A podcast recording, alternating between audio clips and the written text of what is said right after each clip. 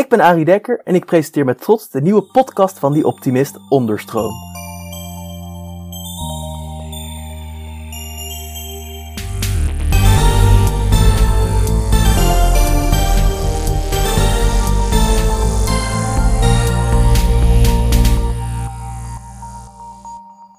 Hallo iedereen! Zoals altijd bieden wij om de week een podium aan mensen en ideeën die meer aandacht verdienen. Vandaag spreek ik voorzitter van de Landsbond der Christelijke Mutualiteiten, Luc van Gorp, over zijn boek Mensenmaat. Hierin vertelt hij hoe wij het onszelf moeilijk maken en hoe imperfectie hier een uitkomst kan bieden. Nou, hallo Luc. Goeiedag. Ja, dat was een flinke mond vol, maar laten we erin duiken. Ik vind het namelijk een hartstikke interessant onderwerp. Ik vind namelijk dat wij altijd veel te perfect willen zijn, altijd maar eh, het beste van onszelf. Daar gaat je boek zeker ook over. Mhm. Ja, dus laten we daar dan ook gewoon meteen op focussen. Want ik vind het interessant, eigenlijk waarmee je begint in je intro, in eh, je inleiding, is dat wij eigenlijk heel graag nou, problemen in ons leven hebben. Zo zag ik het tenminste een beetje. Dat zelfs problemen die we oplossen met technologie en de, nou ja, alle nieuwe dingen die ons leven bieden, dat we er eigenlijk nieuwe problemen voor in de plaats brengen zelfs. nou, dat vind ik uh, een interessante manier van uh, handelen. Waar komt nou dit instinct vandaan, dit beren op de weg zien? Je hebt absoluut gelijk dat wij, en dat is een, een goede analyse, denk ik, van wat ik probeer te schrijven of te vertellen, is, wij zien in alles problemen. Als je dat toepast op bijvoorbeeld gezondheidszorg, hè, dus er staat een tand scheef, die moet recht komen staan. Uw neus is wat te lang, die moet dan wat korter. Uw borsten zijn te klein of te groot, die gaan we dan aanpassen. En dat zijn allemaal problemen en wij hebben dan het aanvoelen dat als het dan een probleem is, dat je het ook kan oplossen. En daar hebben we dan de geneeskunde voor geïntroduceerd.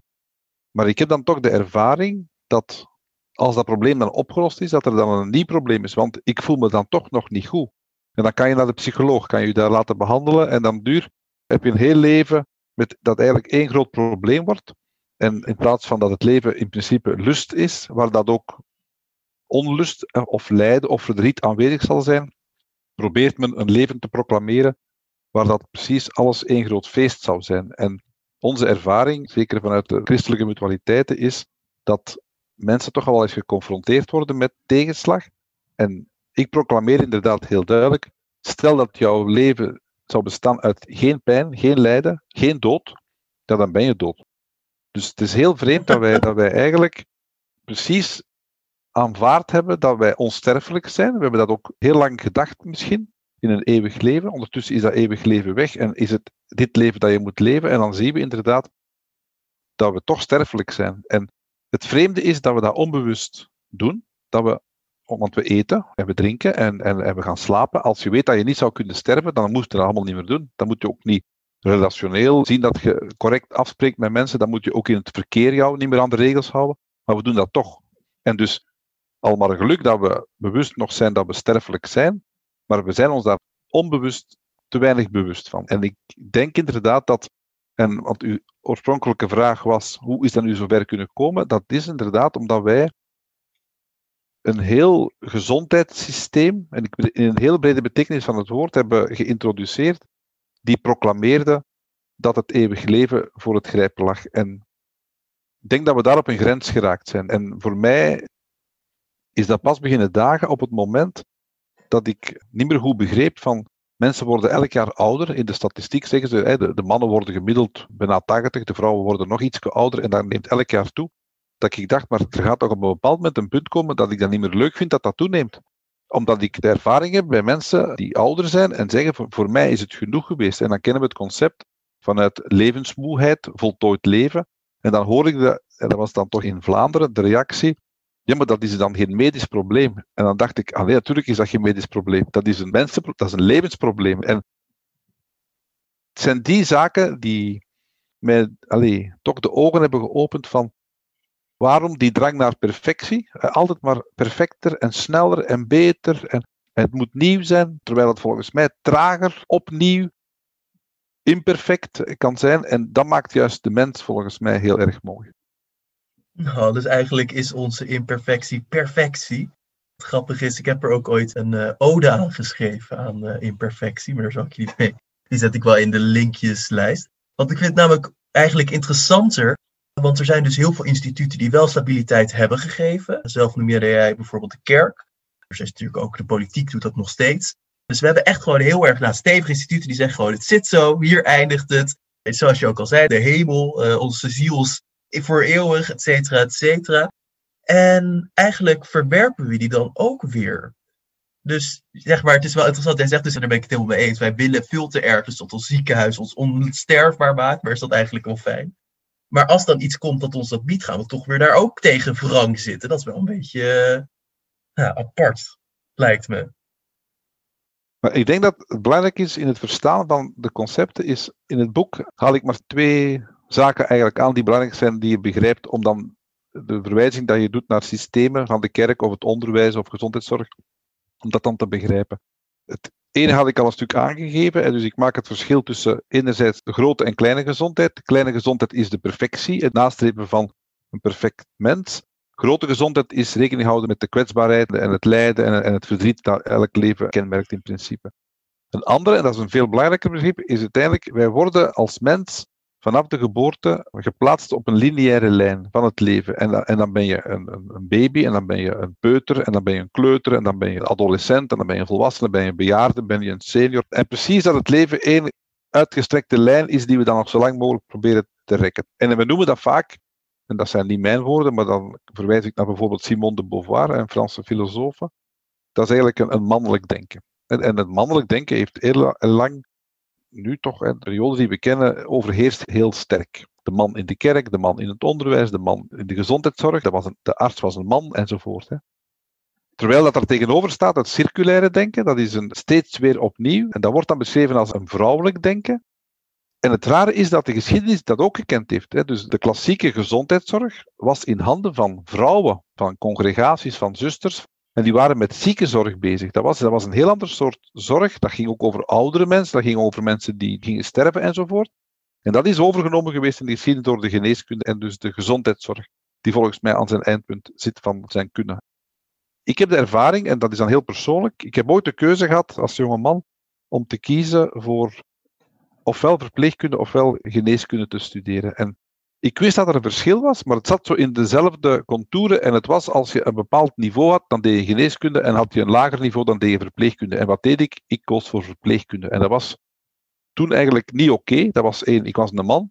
En twee, ik was daar precies te verstandig voor. Eh, heel vreemd, hè? Dus, en ik besef nu pas, na zoveel jaren, ook door in de zorg gewerkt te hebben en daarover na te denken, dat een geneesheer of een verpleegkundige totaal iets anders zijn. En een geneesheer zet zich veel meer op die lijn van de lineariteit, dus die rechte lijn, terwijl een verpleegkundige veel meer in dat circulaire zit van je gaat elke dag mensen verzorgen. Je gaat elke dag opnieuw het gesprek aan. Je gaat nooit zeggen tegen een patiënt, maar ik heb u gisteren al goeiedag gezegd, hè? dat hoeft vandaag niet meer. Hè? We zijn klaar. En dat is inderdaad het belangrijkste, denk ik, dat we moeten vaststellen. En wat is het vreemde? Dat de systemen die we allemaal kennen, het onderwijs, de kerk, zijn in, waarschijnlijk vanuit een beginsituatie anders begonnen dan dat ze eigenlijk geworden zijn. Ze zijn veel meer in een gestructureerd systeem gekomen, een controlesysteem, een, een perfectiesysteem. En het grootste voorbeeld dat ik dan ook wel meegeef in het boek is de kerk als instituut, dat toch als heel log wordt ervaren, heel mannelijk nog steeds. Hè, dus dat is eigenlijk nog altijd verboden dat het hoogste ambt kan ingenomen worden. Dat is heel vreemd, hè, dat we daar eigenlijk niet harder op reageren. En ik heb zelf, allee, het boek is eigenlijk maar tot stand gekomen omdat ik zelf ooit studiewerk heb gedaan rond Friedrich Nietzsche. En die heeft mij eigenlijk die concepten geleerd van. Hij zegt op een bepaald moment in een van zijn publicaties van de laatste christen is gestorven aan het kruis. En hij bedoelde daar eigenlijk mee, het systeem daarna het leven van die persoon is gekomen, is eigenlijk geënt op iets te controleren en te beheersen. En in plaats van, en dat is dan lineair, maar dat dat veel meer moest geënt zijn op het circulaire. En ik geef een heel eenvoudig voorbeeld. Wij zijn allemaal grootgebracht geweest en van er komt een leven na de dood. Dus er is een eeuwig leven en dus ook een heel rechte lijn. En dan ga je dus mogelijk God tegenkomen. Allee, ik maak er nu een karikatuur van, het is een beetje te simpel. Ik denk dat de luisteraars het snappen. ja, eh, maar in de teksten staat er bijvoorbeeld de Jezusfiguur die zegt: Daar waar twee of drie mensen in mijn naam samen zijn, daar ben ik. Dus dat is niet wachten tot later, maar nee, nee, het gebeurt gewoon voor uw neus en vaak zien we het ook niet. En ik, ik merk ook dat als je altijd in je leven kijkt naar morgen, maar morgen gaat, wordt morgen. Nee, nee, vandaag moet je, denk ik, de problemen durven benoemen en samen zijn. En morgen opnieuw en overmorgen weer opnieuw. En mijn ervaring is dat de mens is volgens mij niet gemaakt om lineair oud te worden, maar circulair oud te worden. En dat is de grote discussie die we vandaag hebben. Ik wil absoluut niet oud worden. Dat mag, als het maar kwaliteitvol is. Als er kwaliteit in die zorg, in de relatie met een verpleegkundige of artsen of met uw eigen familie kan geboden worden, dan hebben wij volgens mij een toekomst met de mens. En als we de mens deconnecteren van dat circulaire, dus van dat steeds opnieuw, dan wordt de mens ziek. En ik geef u één cijfer, dat is misschien belangrijk ook voor de Nederlandse luisteraars. Van, op dit moment zijn er 460.000 Belgen langdurig ziek. Dat wil zeggen mensen die meer dan een jaar thuis ziek zijn. En dat heeft te maken met depressie, bijna de helft, hè, met burn-out.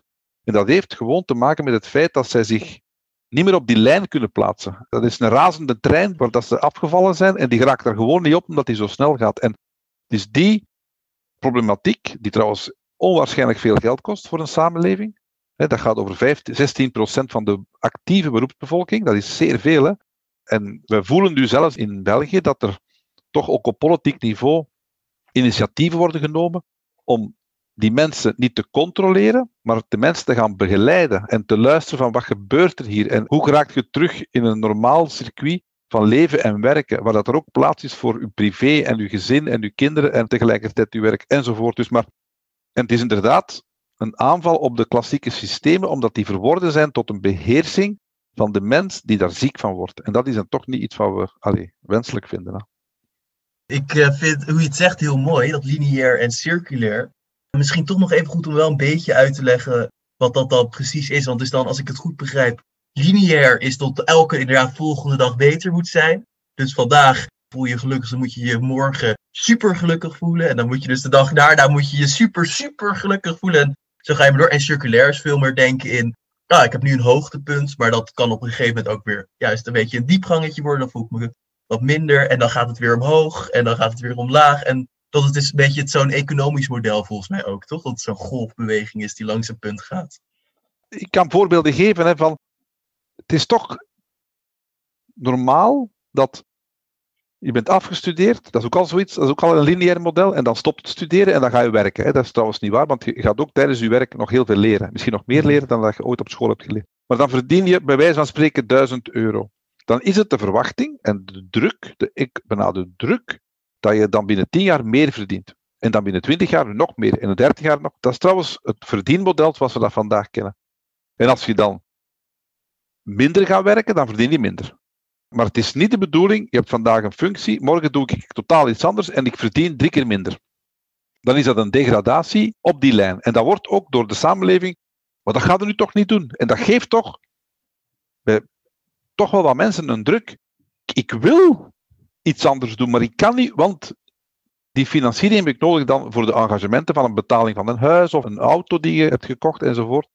Maar dat is maar één voorbeeldje. En ze zijn ook opgevoed in, als je opnieuw een voorbeeld van lineariteit, de waarde die men geeft aan een auto, een nieuwe auto, is hoger dan een tweedehands auto. Als je zegt tegen iemand, ik koop mijn kleren tweedehands, dan zeggen ze, oei, dat is precies een arme mens. Hè? Nee, nee, ik vind dat gewoon duurzamer, want daardoor moeten die kleren niet vernietigd worden.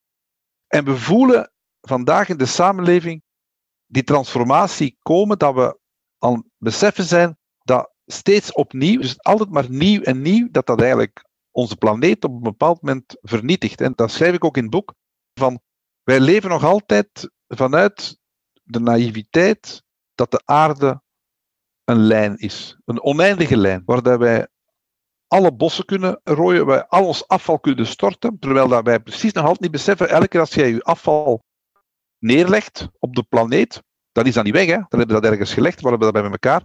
Maar we gaan toch een systeem moeten zoeken, willen we overleven met z'n allen, dat die duurzaamheid van de planeet, die zichzelf kan vernietigen op een bepaald moment door het invloed van de mens, dat dat niet de bedoeling is. En ik merk, dat is een perfect voorbeeld van circulariteit, van als jij afval hebt en je doet dat niet in een recyclagesysteem, dan wordt dat een berg afval. En op een bepaald moment is alles afval. En dan is er dus ook geen niet-afval niet meer. En dan denk ik dat wij met een immens probleem zitten. En het zijn die zaken die wij ook vandaag vaststellen rond het klimaat. We zijn dus op een snel tempo, vanuit een lineair denken, hè, van de planeet aan het vernietigen, terwijl dat eigenlijk alle signalen op rood staan en zeggen van, ja maar als er geen boom niet meer is, is er ook geen zuurstof. Allee, zo, naïef is het, maar het is wel de realiteit.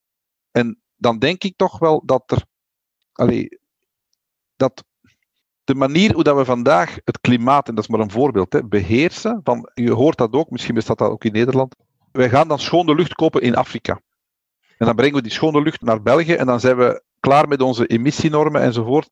En dan lachen we een keer en dan zeggen we, maar dat geloofden we toch niet? Jawel, maar dat is echt zo. We zijn dan eigenlijk, ons geweten is gesust.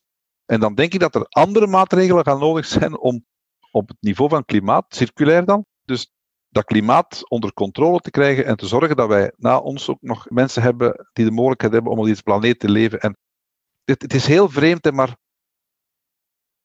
ik schrijf het ook, hè, van, ik snap niet waarom dat wij zo geobsedeerd zijn door die lijn. Die lijn van altijd maar meer en meer en meer, terwijl ik zeg van je moet minder en minder. En ik pas dat ook toe op de mens.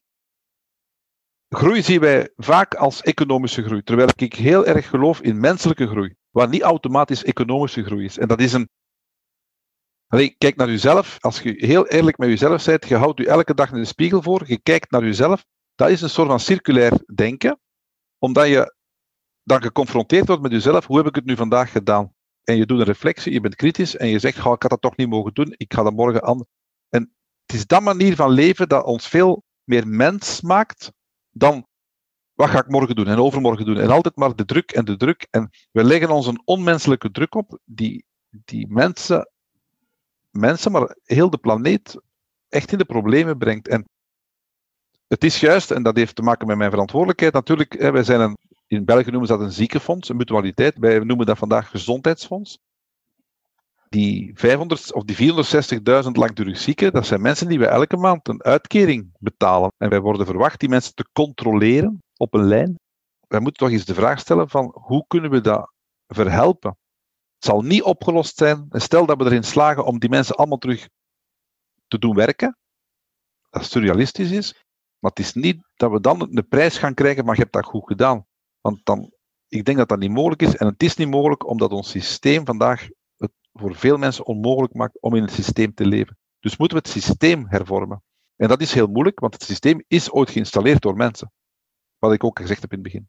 Ja, jij vergeleek het met een wond echt, toch? Die dan heel veel pijn doet en die echt een litteken moet worden. Volgens mij beschreef jij het op die manier. Ik heb verpleegkunde gestudeerd. Misschien is dat wel belangrijk voor de luisteraar om dat te weten. Van.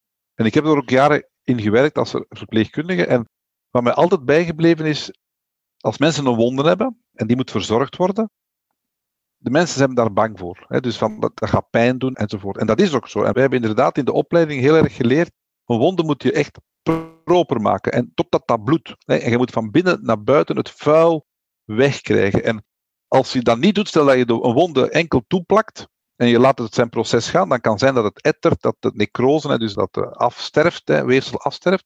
En dan kan in de bloedbad komen en dan kan je bij wijze van spreken zelfs van sterven. Dus wij hebben geleerd, nee, nee, je moet het openmaken. Dus maar je moet dat nu zien als een beeld van, je moet de samenleving durven openleggen er goed door russen. Wat is het probleem? Het zo goed proper maken en dan kan die wonde genezen. Maar een wonde die geneest zal altijd een litteken. Dat duurt zeer lang dat je niet meer ziet, ah, dat was ooit hier een wondeke, of met draadjes of met pinnetjes enzovoort. En ik denk dat wij vandaag in onze samenleving, als ik dat dus nu transformeer naar de samenleving, heel vaak de problemen toedekken. En zo van, och, och, och het, zal, het zal wel in orde komen. En dan pas zien dat er een etter ontstaat. En ik kan zelfs verwijzen naar voorbeelden. Dus er zijn toch wel wat, wijken, in Brussel bijvoorbeeld, of in Antwerpen, waar dat wij eigenlijk de ogen toedoen, uit schrik van de confrontatie aan te gaan met de kwaadheid van bijvoorbeeld allochtone burgers, waar dat dan altijd wordt ingegrepen, ja, maar ze mogen dat niet doen, terwijl dat je fundamenteel het gesprek moet aangaan, hoe komt dat je zo kwaad bent? En ik heb daarna ook filosofie en theologie gedaan.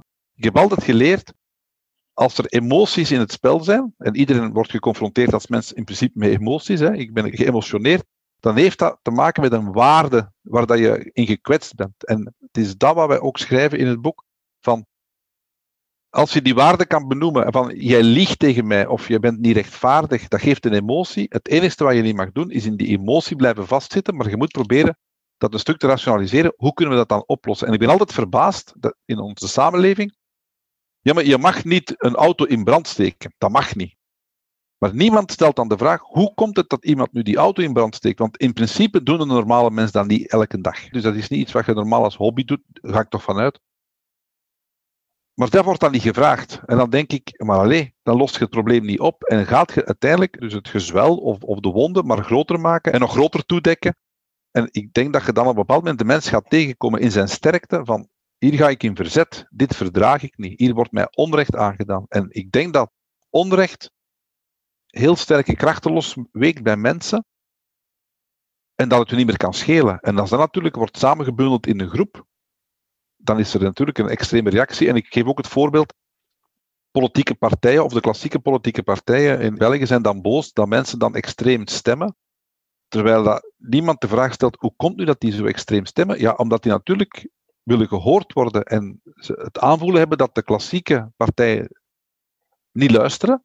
Ja, dan gaat er dus meer naar de extreme gaan in stemgedrag, in straatgedrag, in Twittergedrag enzovoort. En ik, ik heb altijd sympathie voor de roepende. Van de roepende heeft meestal een reden om te roepen. En ik maak echt wel een onderscheid tussen mensen die altijd roepen. Die gaan altijd hebben. Het gaat niet over die groep.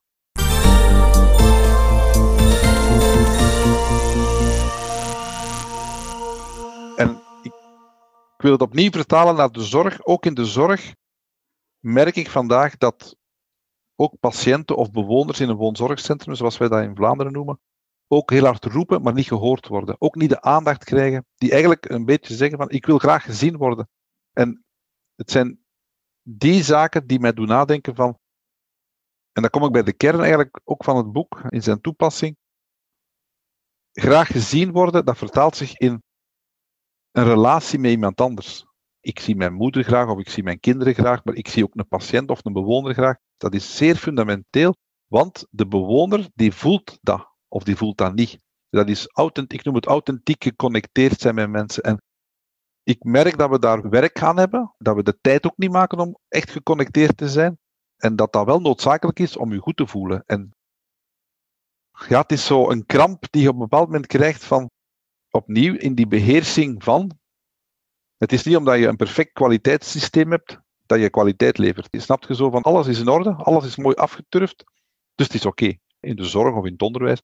Ik denk dat alles vertrekt vanuit vertrouwen, relatie, gesprek. En dat zijn eigenlijk allemaal trage begrippen. En we zijn allemaal een beetje geobsedeerd door snelle begrippen. En het moet vooruit gaan, het moet afgedruft worden, en, enzovoort. Ja. Weet je wat grappig is? Ik heb het hier laatst met een vriend van me over gehad. Wat ik had, ik heb een vogel en ik ging voor het eerst naar de dierenarts. Dit klinkt misschien een beetje zomaar uit de lucht komen vallen, maar het krijgt een punt. En inderdaad, bij de dierenarts kwam ik dus aan. Ik kom daar vijf minuten binnen. Hij is bijna een beetje boos, want je moet een vogel gewoon laten checken. En hij is echt gewoon een beetje boos dat ik daar zo ongeveer ben. En ik mag weer weg. Hij ging letterlijk in de deur staan, deed de deur voor me open, zo van, en nu ophoepelen. En dan stond ik dus na vijf minuten weer buiten. Nou, 50 euro ook meteen eraf getikt. Dat was ook niet heel fijn. Ja, ja. En toen had ik het daarover met die vriend. Die zei, ja, dat had ik dus laatst. Ik ging naar de oogarts. En daar gebeurde precies hetzelfde. Ik moest echt zo ongeveer achter die persoon aanrennen en aan de doktersjas vastpakken. Van, oh, stop, ik wil nog dingen vragen. En dat is misschien ook heel goed wat jij zegt. Dan in de praktijk, als het ware. Dat is, ja, mensen hebben geen tijd ervoor. We hebben dus alle middelen om een vogel te genezen. We hebben alle middelen om een oog te genezen. Maar ja, de dokter heeft er gewoon niet zoveel zin in. En dan op het moment dat er echt iets is, gaan ze je wel goed helpen. Dat mag natuurlijk wel worden gezegd. Maar dat is natuurlijk best wel een interessante ja, samenhang daar, toch? Ja. Misschien nog een aanvulling van, misschien is vandaag het sterkste geneesmiddel uw medemens. Het goede gesprek, het tijd die je maakt. En dat is ook zo. En we hebben een onderzoeker in Vlaanderen, Casper Bormans, die heeft gewerkt rond dementie. En u weet, vandaag bestaat er geen geneesmiddel tegen dementie. Maar hij zegt, het beste geneesmiddel vandaag is de medemens in relatie tot. En er bestaat heel veel onderzoek. De manier hoe dat je een persoon met dementie benadert, de intonatie van je stem, de dichtheid, het gehurkt zijn of het nabij zijn, het, dat heeft zoveel impact als je tegen een persoon met dementie begint te roepen en vanuit de hoogte en ja, die begint zich te verdedigen. En dan krijgt hij het etiket, u bent agressief. Maar nee, nee die, voelt zich heel erg bedreigd. En het zijn zo'n zaken. Maar dat geldt niet alleen in een situatie bij de ziekte van Alzheimer, maar dat gaat even goed over een relatie student of leerling-leerkracht. Dat gaat ook over een relatie arts-patiënt. Gaat, en dus in het lineair denken zit ook een dat beheersing en een stuk hiërarchie in. Van er is orde. We hebben alles afgepakt. Het is allemaal bepaald. Er zijn diagnoses. En ondertussen loopt iedereen rond met een diagnose. Dus eigenlijk, daar waar we vroeger ook nog eens de tweedeling maakten, u bent beperkt en u bent niet beperkt, zeg ik, als we die censuur nu eens weghalen, iedereen is beperkt. En dan kom ik terug bij imperfectie. En, en dat is heel vreemd dat wij, wij zo gezegd, worden geproclameerd als mensen zonder beperking. Want er zijn dus mensen met beperking. Maar dat geldt evengoed, en dat is een ander probleem, het geslacht dat we toekennen. U bent man of u bent vrouw. Dat is duidelijk. En ondertussen zijn we toch iets verstandiger geworden. Er zijn mensen die vanuit hun mannelijkheid toch vrouwelijke kenmerken hebben en andersom. En dan noemen we dan een X. En dan denk ik, ja, maar er zijn duizend X'en. Er zijn duizend. Maar dat mag niet. Het is juist dat soort regelingen die wij willen treffen, die het heel complex maakt voor mensen, omdat er altijd precies een tweedeling is. Dus een ander voorbeeld, en wij kennen de algemene ziekenhuizen, dat is dan voor uw lijfelijke problematiek, hè. U, ja, je moet verzorgd worden. En je psychiatrische ziekenhuizen. Precies dat die twee met elkaar niks te maken hebben. Ondertussen weten we beter. Enzovoort, enzovoort. Dus dan denk ik, dus, maar wij hebben dat gedaan omdat we dachten dat we op die manier de samenleving konden beheersen en beter maken. Maar het beter maken zit inderdaad niet in dat groeien, maar het beter maken zit in het, je het dan groei naar binnen. Het zou de mens veel rijker maken. En ik denk echt wel en daarom hebben we het boek ook wel geschreven dat we op een punt gekomen zijn dat we op de grens van de perfectie zitten en vanuit dat perspectief moeten terugkijken, wat hebben we nu eigenlijk bereikt? En dan ben ik heel hard. Ik stel nog altijd vast dat alle mensen sterven. Alleen veel later en soms in zeer onaangename omstandigheden, afhankelijk van medicatie of infusie in een ziekenhuis, compleet dus losgerukt van de wereld. Allee, we hebben allemaal de COVID-pandemie gehad. Vandaag, en ik heb vandaag nog, vandaag nog het verhaal gehoord, ik voel mij niet goed. Je moet u eens voorstellen, je zegt tegen uw partner, ik voel mij niet goed, ik ga naar het ziekenhuis of naar de huisarts en we zien elkaar nooit meer terug. Want het kan zo snel gaan dat je dus COVID hebt, dat je opgenomen wordt op intensief, er mag geen bezoek zijn en je krijgt de mededeling van het ziekenhuis, uw partner is overleden. Je moet u eens voorstellen vanuit het perspectief van de persoon die dat moet meemaakt en dan nog vaak door verstikkingsverschijnselen bijvoorbeeld om het leven komt, hoe onmenselijk. Wat kan je van een mens vragen dat je dat moet meemaken als achterblijver om daar dan in een soort van rouw daar een plaats te geven in je leven? Dat zijn toch menselijke grenzen waar ik van denk, dat mag je van mensen niet verwachten.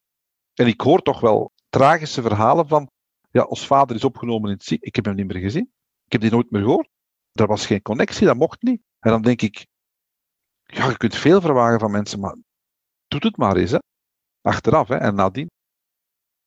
Ja, dus eigenlijk, ik vind het ook wel mooi, misschien is het niet eens per se, ja, imperfectie ook, maar dat is natuurlijk gewoon deel van echt menselijkheid. Dus eigenlijk waar jij voorbij voor pleit, is gewoon dat we onszelf wel als mens moeten blijven zien en niet als een soort van, nou ja, wat we dus kunnen worden, de supermens. Dus dat we niet weer streven naar de superman, de superheld dan in dit geval, dat soort dingen. Dat we dus eigenlijk gewoon echt weer moeten omarmen. We zijn gewoon sterfelijk, we zijn gewoon mens.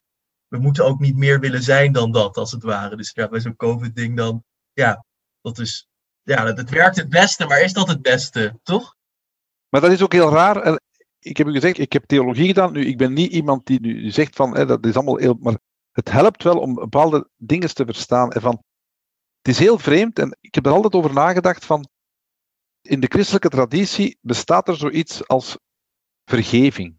En wat is vergeving? Dat is eigenlijk, je hebt iets fout gedaan, je hebt iets niet perfect gedaan, en je kunt daar spijt van hebben, dat is ongelooflijk, van dat was niet goed, ik had dat niet mogen doen. En er bestaat zoiets van, het is vergeven, het is oké. Je moet je eens voorstellen dat het concept vergeving niet zou bestaan.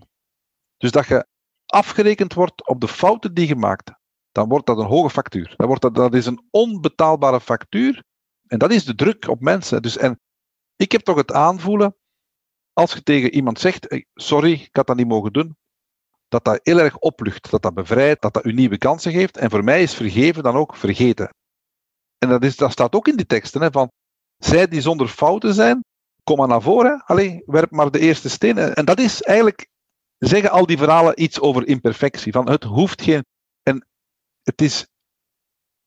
Nu, dat is dan inderdaad de kritiek. Wij zitten vandaag in een heel groot systeem, en wij noemen dat het neoliberalisme, waar dat alles gefocust is op economie en economische groei, maar veel te weinig stilstaan bij die menselijke groei. En het is daar dat we de mens dreigen te verliezen, als een, en je hebt het woord niet gebruikt, maar ik gebruik het wel zelf, als een object van beheersing in dat model. En we doen voort met zij die het volhouden.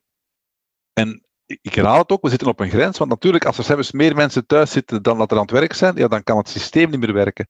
Maar volgens mij moeten we niet de mens veranderen. Die kan trouwens volgens mij niet veranderen, want die blijft relationeel verbonden met zichzelf en anderen. We gaan de context waarin dat mensen leven moeten veranderen. Maar dat geldt ook met het onderwijs. Ik geef een voorbeeld van het onderwijs. En dat is een voorbeeld dat iedereen kent. Je krijgt dan punten op een toets of op een examen. En dan gaan we altijd kijken wat er fout was. Hè?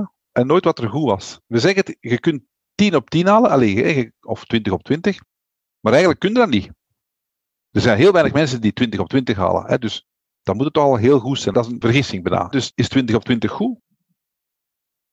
Ik heb het in elk geval nooit gehad, dus ik vind het oké. maar en, en het is ook, dus je wordt eigenlijk al opgevoed van jongens af aan om in die systemen groot te worden. En ik ervaar toch, en ik heb zelf ook 20 jaar lesgegeven aan studenten, die, die druk om te scoren en om punten te halen, afschuwelijk soms. Hè? En dus ik zeg het, en ik ben zelf 54 jaar, dus ik, ik ben in die systemen ook groot geworden.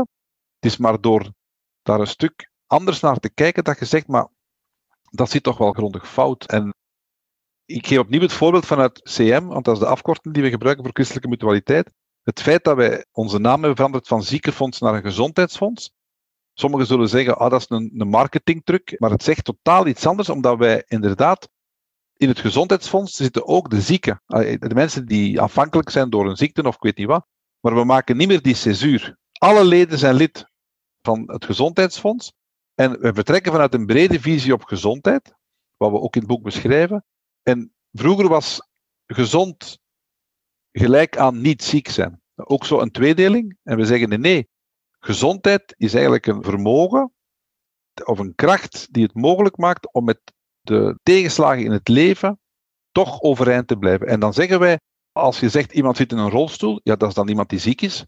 Maar dat is helemaal niet waar. Iemand die terminaal is, dat is ook een zieke. Maar dat is ook helemaal niet waar, want ik heb heel vaak getuigenissen gehoord van mensen die terminaal zijn of op een palliatieve afdeling verblijven. Ik ben nog nooit zo gelukkig geweest. En dan zo, oh, dat is wel heel raar. Dat gaat toch niet, want je gaat dood. Jawel, ik ben zelfs in mijn doodgaan gelukkig. Maar daar hebben dan de woorden niet voor gecreëerd. En ik vind dat zo belangrijk dat allee, wij die transformatie maken bij onszelf om vanuit een ander paradigma te kijken naar het leven en vertrekken vanuit die gezondheid. En dan kan ik daar nog een invulling op geven. Trouwens, dit zijn ook de visies van de Nederlandse voormalige huisarts Machteld Huber, die het model van positieve gezondheid heeft geïnitieerd, die wij dan vertalen als een brede visie op gezondheid. Maar gezondheid heeft een lijfelijke component, maar heeft ook een psychische component, heeft ook een kwaliteit van leven component. Het gaat ook over zin, zin ervaren of zingeving. Dat gaat ook over met tijd kunnen omgaan, met geld kunnen omgaan. En daar is ons gezondheidszorgsysteem vandaag niet op geallieerd. Hè. Dus die is vooral bezig met dat curatieve, met dat fysieke. Maar het is niet omdat je er perfect uitziet met je lijf dat je gelukkig bent. Dat hebben we ondertussen ook al wel geleerd. Ja. ja, je zegt het heel mooi. En wat ik dan wel interessant aan dit alles vind, je zegt dus eigenlijk praktisch zien, nou, de bestaande structuren, politiek, klimaat, ziekenhuis, geneeskunde, zijn niet houdbaar. Ik bedoel nogmaals, de aarde is niet oneindig, dus dan is het ook eindig. Maar gaan deze problemen dan niet zichzelf oplossen? Ik bedoel, de patiënten staan al van, we willen dit niet meer. Je geeft al best wel veel voorbeelden hoe dus er wel al wat bewustzijn is. Komt dan niet de oplossing vanzelf? Ik ben dus heel hoopvol. Hè. Het boek is een kritisch boek, maar het is een hoopvol boek, omdat ik inderdaad geloof en om nu een voorbeeld van een patiënt te nemen, ik kom in mijn omgeving en in de verhalen die we horen steeds meer patiënten tegen. Voor mij hoeft dit niet meer. Ik wil niet het voorlaatste probleem oplossen, dus dat is een technische oplossing. Ik wil het laatste probleem oplossen, namelijk afscheid nemen van het leven. En ik ga die behandelingen met chemotherapie of bestralingen of operatie niet meer doen. Ik denk dat ik nu andere gesprekken moet voeren. Dus eigenlijk de soort die palliatieve cultuur, of die cultuur vanuit het besef dat we eindig zijn, terug introduceren in de gezondheidszorg. Dus het feit dat dat gebeurt, ook het feit, en dat is, dat dan niet vanuit ziekte, maar ouderenzorg. Ik heb ooit gezegd van we gaan nog meemaken, wij, dat de woonzorgcentra of de rusthuizen leeg gaan staan. Nu worden er massaal nog woonzorgcentra bijgebouwd, maar ik denk dat er een generatie klaar staat die niet op die manier gaat kijken naar leeftijd. Hè. Dus naar van, ik wil 105 jaar worden en ik zeg niet in goede omstandigheden en kwaliteitsvol, dan wel. Maar er gaan mensen moeten zijn om voor die mensen te zorgen dan. En er, en er gaan ook mensen zijn die die zorg willen ondergaan. En dan krijgt je de nieuwe concepten, ik heb er naar verwezen, voltooid leven, het is goed geweest. En we kennen allebei in Nederland en in België de wetgeving rond euthanasie. Dat heeft een enorm impact gehad, in mijn denken ook. Ik ben iemand die gevormd is voor de wetgeving. Ik ben nog aan het werk geweest na de wetgeving. Ik ben nooit voor of tegen euthanasie geweest. Maar het heeft wel de relatie tussen de patiënt en de arts fundamenteel veranderd. En het gaat ook de zorgrelatie fundamenteel veranderen. Waarom? Vroeger was het leven eigendom van de natuur of de arts. Nu hebben wij eigenlijk de macht over het leven in de handen van de patiënt gegeven, weliswaar uitgevoerd door een arts. En dat is opnieuw een beheersing. Dus euthanasie is eigenlijk een vorm van beheersing. Wij hebben het in handen. We weten ondertussen ook uit onderzoek dat euthanasie ondergaan soms een moeilijk effect is bij de omstaanders. Van, je moet dan rouwen en dat lukt dan niet zo goed. We hebben dat nu eigenlijk geregeld, dus gecontroleerd. En ik denk dat we nog maar aan het begin staan, want de regelgeving is wat gelijklopend met Nederland, maar wij, in België is dat van 2002. Dat is een goede generatie, dat we er eigenlijk vijf, kleine, hoe lang is dat? 18, 19 jaar, 20 jaar, dat we die wetgeving hebben. Dat we ons nog niet goed bewust zijn wat dat voor effect zal hebben de komende jaren op de oudere generaties die gaan gebruik maken van de mogelijkheid van euthanasie, wetende ook dat vandaag de oudere mensen nog eerder daar wat taboe rond hebben, van dat mag niet. Terwijl onze generatie daar veel meer voor open staat. En ik, ik spreek mij niet uit voor of tegen, want ik zou niet weten waarom.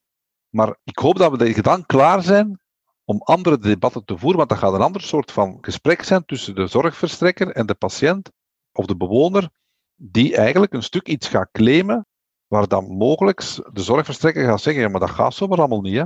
En dan dat die patiënt zal zeggen, en wie gaat dat zeggen, denk je? Snap je? Dus er is opnieuw, en eigenlijk is, ik denk er nu ook hardop over na, van is euthanasie vanuit de context van de beheersing van leven en dood een goede keuze? Vraagteken. dus dat vraagt echt wel een fundamenteel debat. En het gaat toch wel wat mensen in de problemen kennen of komen, zeker, en dan spreek ik voor België, euthanasie is een vraag die je als patiënt kan stellen zonder dat uw omgeving daar op de hoogte van is. Dus die kan ook uitgevoerd worden zonder dat uw partner dat zelfs weet. Ik vind dat heel vreemd vanuit een menselijk perspectief van, allee, dat doe je toch niet zo in de duik, achter de hoek. Hè? Dat doe je toch in... Allee, ik heb toch altijd ervaren, sterven is toch iets wat je samen. Allez, je doet het natuurlijk alleen, maar je doet dat toch met een omgeving die je graag ziet. Snap je? Dus dan, dan ga je toch ook op dat moment in waarheid staan met je omgeving. Want dan denk ik dat je de dingen die je dan moet zeggen, best wel zegt nog. Hè. Maar je voelt inderdaad bij mij wel. Ik geloof heel erg in de. Ik denk dat de mens fundamenteel iemand is die verbonden wil zijn met anderen. En we leven vandaag, maar dat is misschien ook wel de kern, in een wereld die ons proclameert dat we allemaal aparte individuen zijn, die autonoom alles zelf beslissen. Als ik nu kijk naar alle beslissingen die ik in mijn leven al genomen heb, er zijn er heel weinig die ik alleen genomen heb. Heel weinig. Ik doe dat samen met professioneel met collega's, thuis met partners, met de kinderen. Er zullen er zijn die je alleen moet doen. Maar dat is toch altijd een, je noemt dat een, eigenlijk niet altijd de meest wijze of gemakkelijke. En dus ik denk dat we terug veel meer moeten geloven van hoe vaak dat ik op een dag niet zeg en wat denk jij ervan en wat denk dus. En dan voel je je samen veel sterker. En het is het collectieve dat we veel meer moeten omarmen. En, en zo eindigen we uiteindelijk ook het boek. En dat vertaalt zich dan in solidariteit of in sociale zekerheid of in systemen die bijdragen tot als het dan fout loopt, gaan we jou niet in de steek laten, maar gaan we jou helpen. En dan krijg je inderdaad een samenleving die niet allemaal bestaat uit individuen, maar een samenleving die bestaat uit een gemeenschap. En ik vind dat kei mooie woorden. Hè. Gemeenschap, samenleving. Terwijl dat wij vaak in het Nederlands woorden gebruiken, gelijk maatschappij. Dat klinkt dan zo weer beheersbaar, terwijl samenleving is per definitie iets wat continu verandert. Continu komen er mensen bij, gaan er mensen weg. En, maar snap je dus, en dat is geen pleidooi voor soft hè, of mei 68 of integendeel. Het gaat echt over de mensen een juiste plaats geven, waardoor dat die vol tot zijn recht kan komen en eigenlijk de kans heeft om gelukkig te zijn. En als je dan nog eens dan vertaalt internationaal perspectief, dan hebben we nog heel veel werk. Maar als je dan kijkt naar de ongelijkheden die we vandaag kennen, ik geef een voorbeeld, de vaccinatieproblematiek. Dus de westerse landen krijgen het vaccin en de anderen zullen wel zien. Hè. En dan denk ik, maar dat is niet echt solidariteit zoals ik dat zie. Ja. Heel mooi gezegd. Ik wil je echt heel erg bedanken, want ik ben, ja, ik kan het niet meer eens zijn met wat je zegt. Ik ben het helemaal mee eens. Laten we hopen dat dit allemaal toch nog ook in onze levens in ieder geval tot een hoogte wordt doorgevoerd en echt wordt bewerkstelligd. En uh, ja, heel erg bedankt. Dank u wel.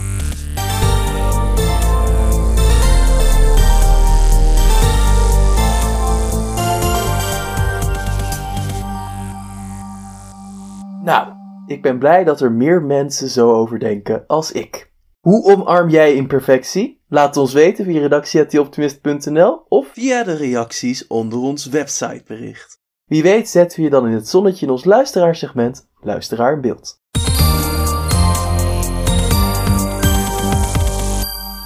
Deze week werpt Peter Sloten de vorige podcast in een ander licht. Ik zie nog steeds enorm veel oude bedoelingen in nieuwe systemen. De geschiedenis leert ook dat zulke processen via heel veel voettangels en klemmen gigantisch veel tijd vragen. Gelukkig dat mensen zoals jij en Ron van S zich ermee bezighouden dus. Als dit de eerste podcast is die je van ons hoort, kan je via onze website, Spotify of welke plek je dan ook graag podcast luistert, de hele podcast over veranderingen in de bedrijfswereld luisteren, waar dit een reactie op was. In deze podcast vertelt Ron van S hoe bedrijven genoodzaakt zijn om goede bedoelingen een belangrijkere plaats te geven en welke rol nieuwe generaties hierin spelen. Ook zouden we het waarderen als je een positieve review achterlaat op Apple Podcasts.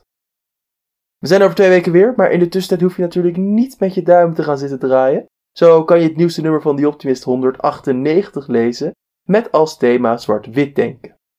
Zit jij comfortabel in je eigen bubbel of durf je je open te stellen voor andere meningen? Die Optimist 198 rekent af met polarisatie en zoekt tussenweg naar grijs. Als laatste wil ik nog Sophie van de Vrede bedanken voor het bewerken en Anouk Wolf bedanken voor het maken van de muziek bij deze podcast.